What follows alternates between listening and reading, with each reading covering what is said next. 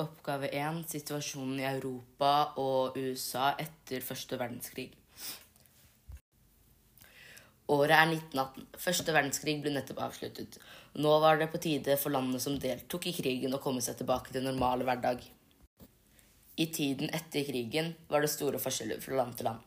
Og i denne podkasten skal jeg fortelle litt om situasjonen i USA og Europa, spesielt Tyskland, og om forskjellene mellom USA og Europa i årene fremover etter første verdenskrig. I denne podkasten skal jeg ta opp følgende problemstilling. Hva kjennetegner mellomkrigstiden i USA og Europa, spesielt i Tyskland, og hva skiller situasjonene fra hverandre? I denne podkasten vil jeg starte i 1920-årene og jobbe meg oppover mot andre verdenskrig. Vi starter i De forente stater av Amerika. Første verdenskrig hadde nettopp blitt avsluttet. Tidene var gode for mange amerikanere. Siden amerikanerne hadde kommet sent inn i krigen, hadde de ikke så mange døde etter krigen. Pluss at USA var heldige med at krigen hadde foregått på et annet kontinent, og dermed hadde USA mindre opprydning å gjøre etter krigen. USA hadde i tillegg vært smarte under krigen. Før de ble dratt med inn, hadde de solgt varer til de andre landene som deltok, og dermed kunne amerikanerne leve friere når krigen var over, med mer penger. Årene etter krigen ble kalt The Roaring Twenties, eller De glade 20-årene på norsk. Dette var en periode hvor livet til de fleste amerikanere ble gjort lettere, og spesielt lettere ble det gjort for kvinner.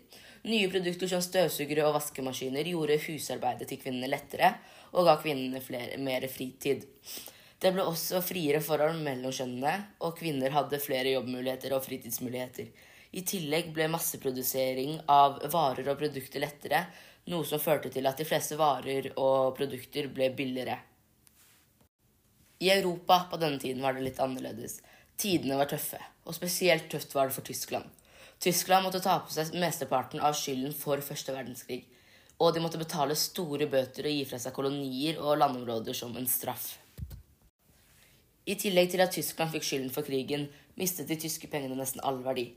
Inflasjonen i Tyskland gjorde at et frimerke kunne koste noen millioner mark, og en enkel middag på en lavklassekafé måtte man betale flere millioner mark for. På et tidspunkt var det så ille at én amerikansk dollar steg med 613 000 tyske mark i sekundet. Hovedårsaken til inflasjonen i Tyskland skyldtes at Tyskland var i strid med Frankrike og Belgia om erstatninger etter første verdenskrig. For å forsikre seg om at Tyskland faktisk betalte erstatningen etter krigen, tok franske og belgiske soldater seg inn i Tyskland og okkuperte et industriområde i Rur som ligger vest i Tyskland.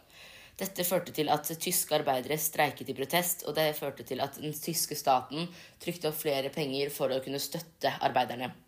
Nå kom det veldig mye penger ut på markedet, og sånn sank verdien på pengene i landet.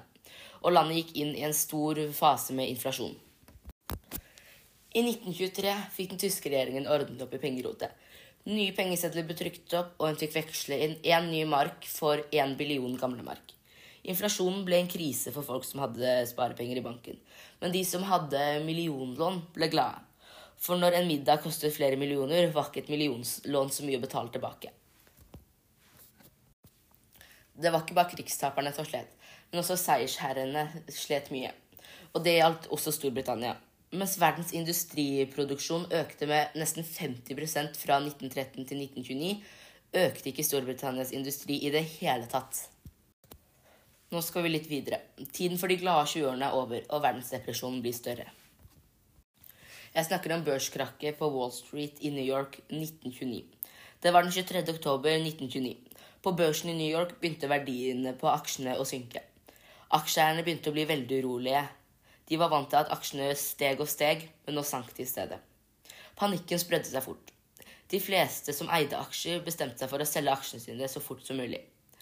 Dette førte til at verdiene sank enda mer. Dette fordi jo flere som prøvde å selge den samme aksjen, desto billigere blir aksjen.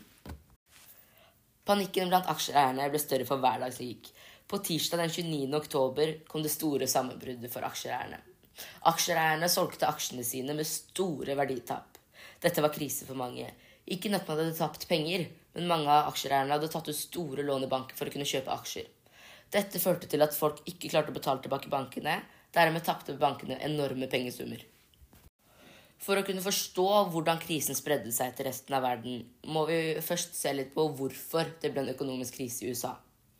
På denne tiden i USA var det store klasseforskjeller mellom fattig og rik. Dette gjorde at varer som biler, støvsugere og andre varer som ble regnet som mer av den dyrere sorten, ble mindre solgt. Og når varene ikke ble solgt, gikk fabrikkene som produserte varene, konkurs. Dette førte til at mennesker mistet jobben, eller fikk en lavere lønn. Og dermed ble flere folk da fattige, og mindre varer ble solgt. Og da ble jo mer fabrikker nedlagt og konkurs. Denne økonomiske krisen var som sagt ikke bare i USA. Den spredde seg til nesten hele verden. Men i denne podkasten skal vi se hva den gjorde med Tyskland. Over 30% av varene som ble produsert i Tyskland, ble solgt til andre land. Blant annet da USA. Det vil jo åpenbart si i seg selv at når amerikanere ikke lenger hadde råd til å kjøpe tyske varer, ble det også en økonomisk krise for Tyskland.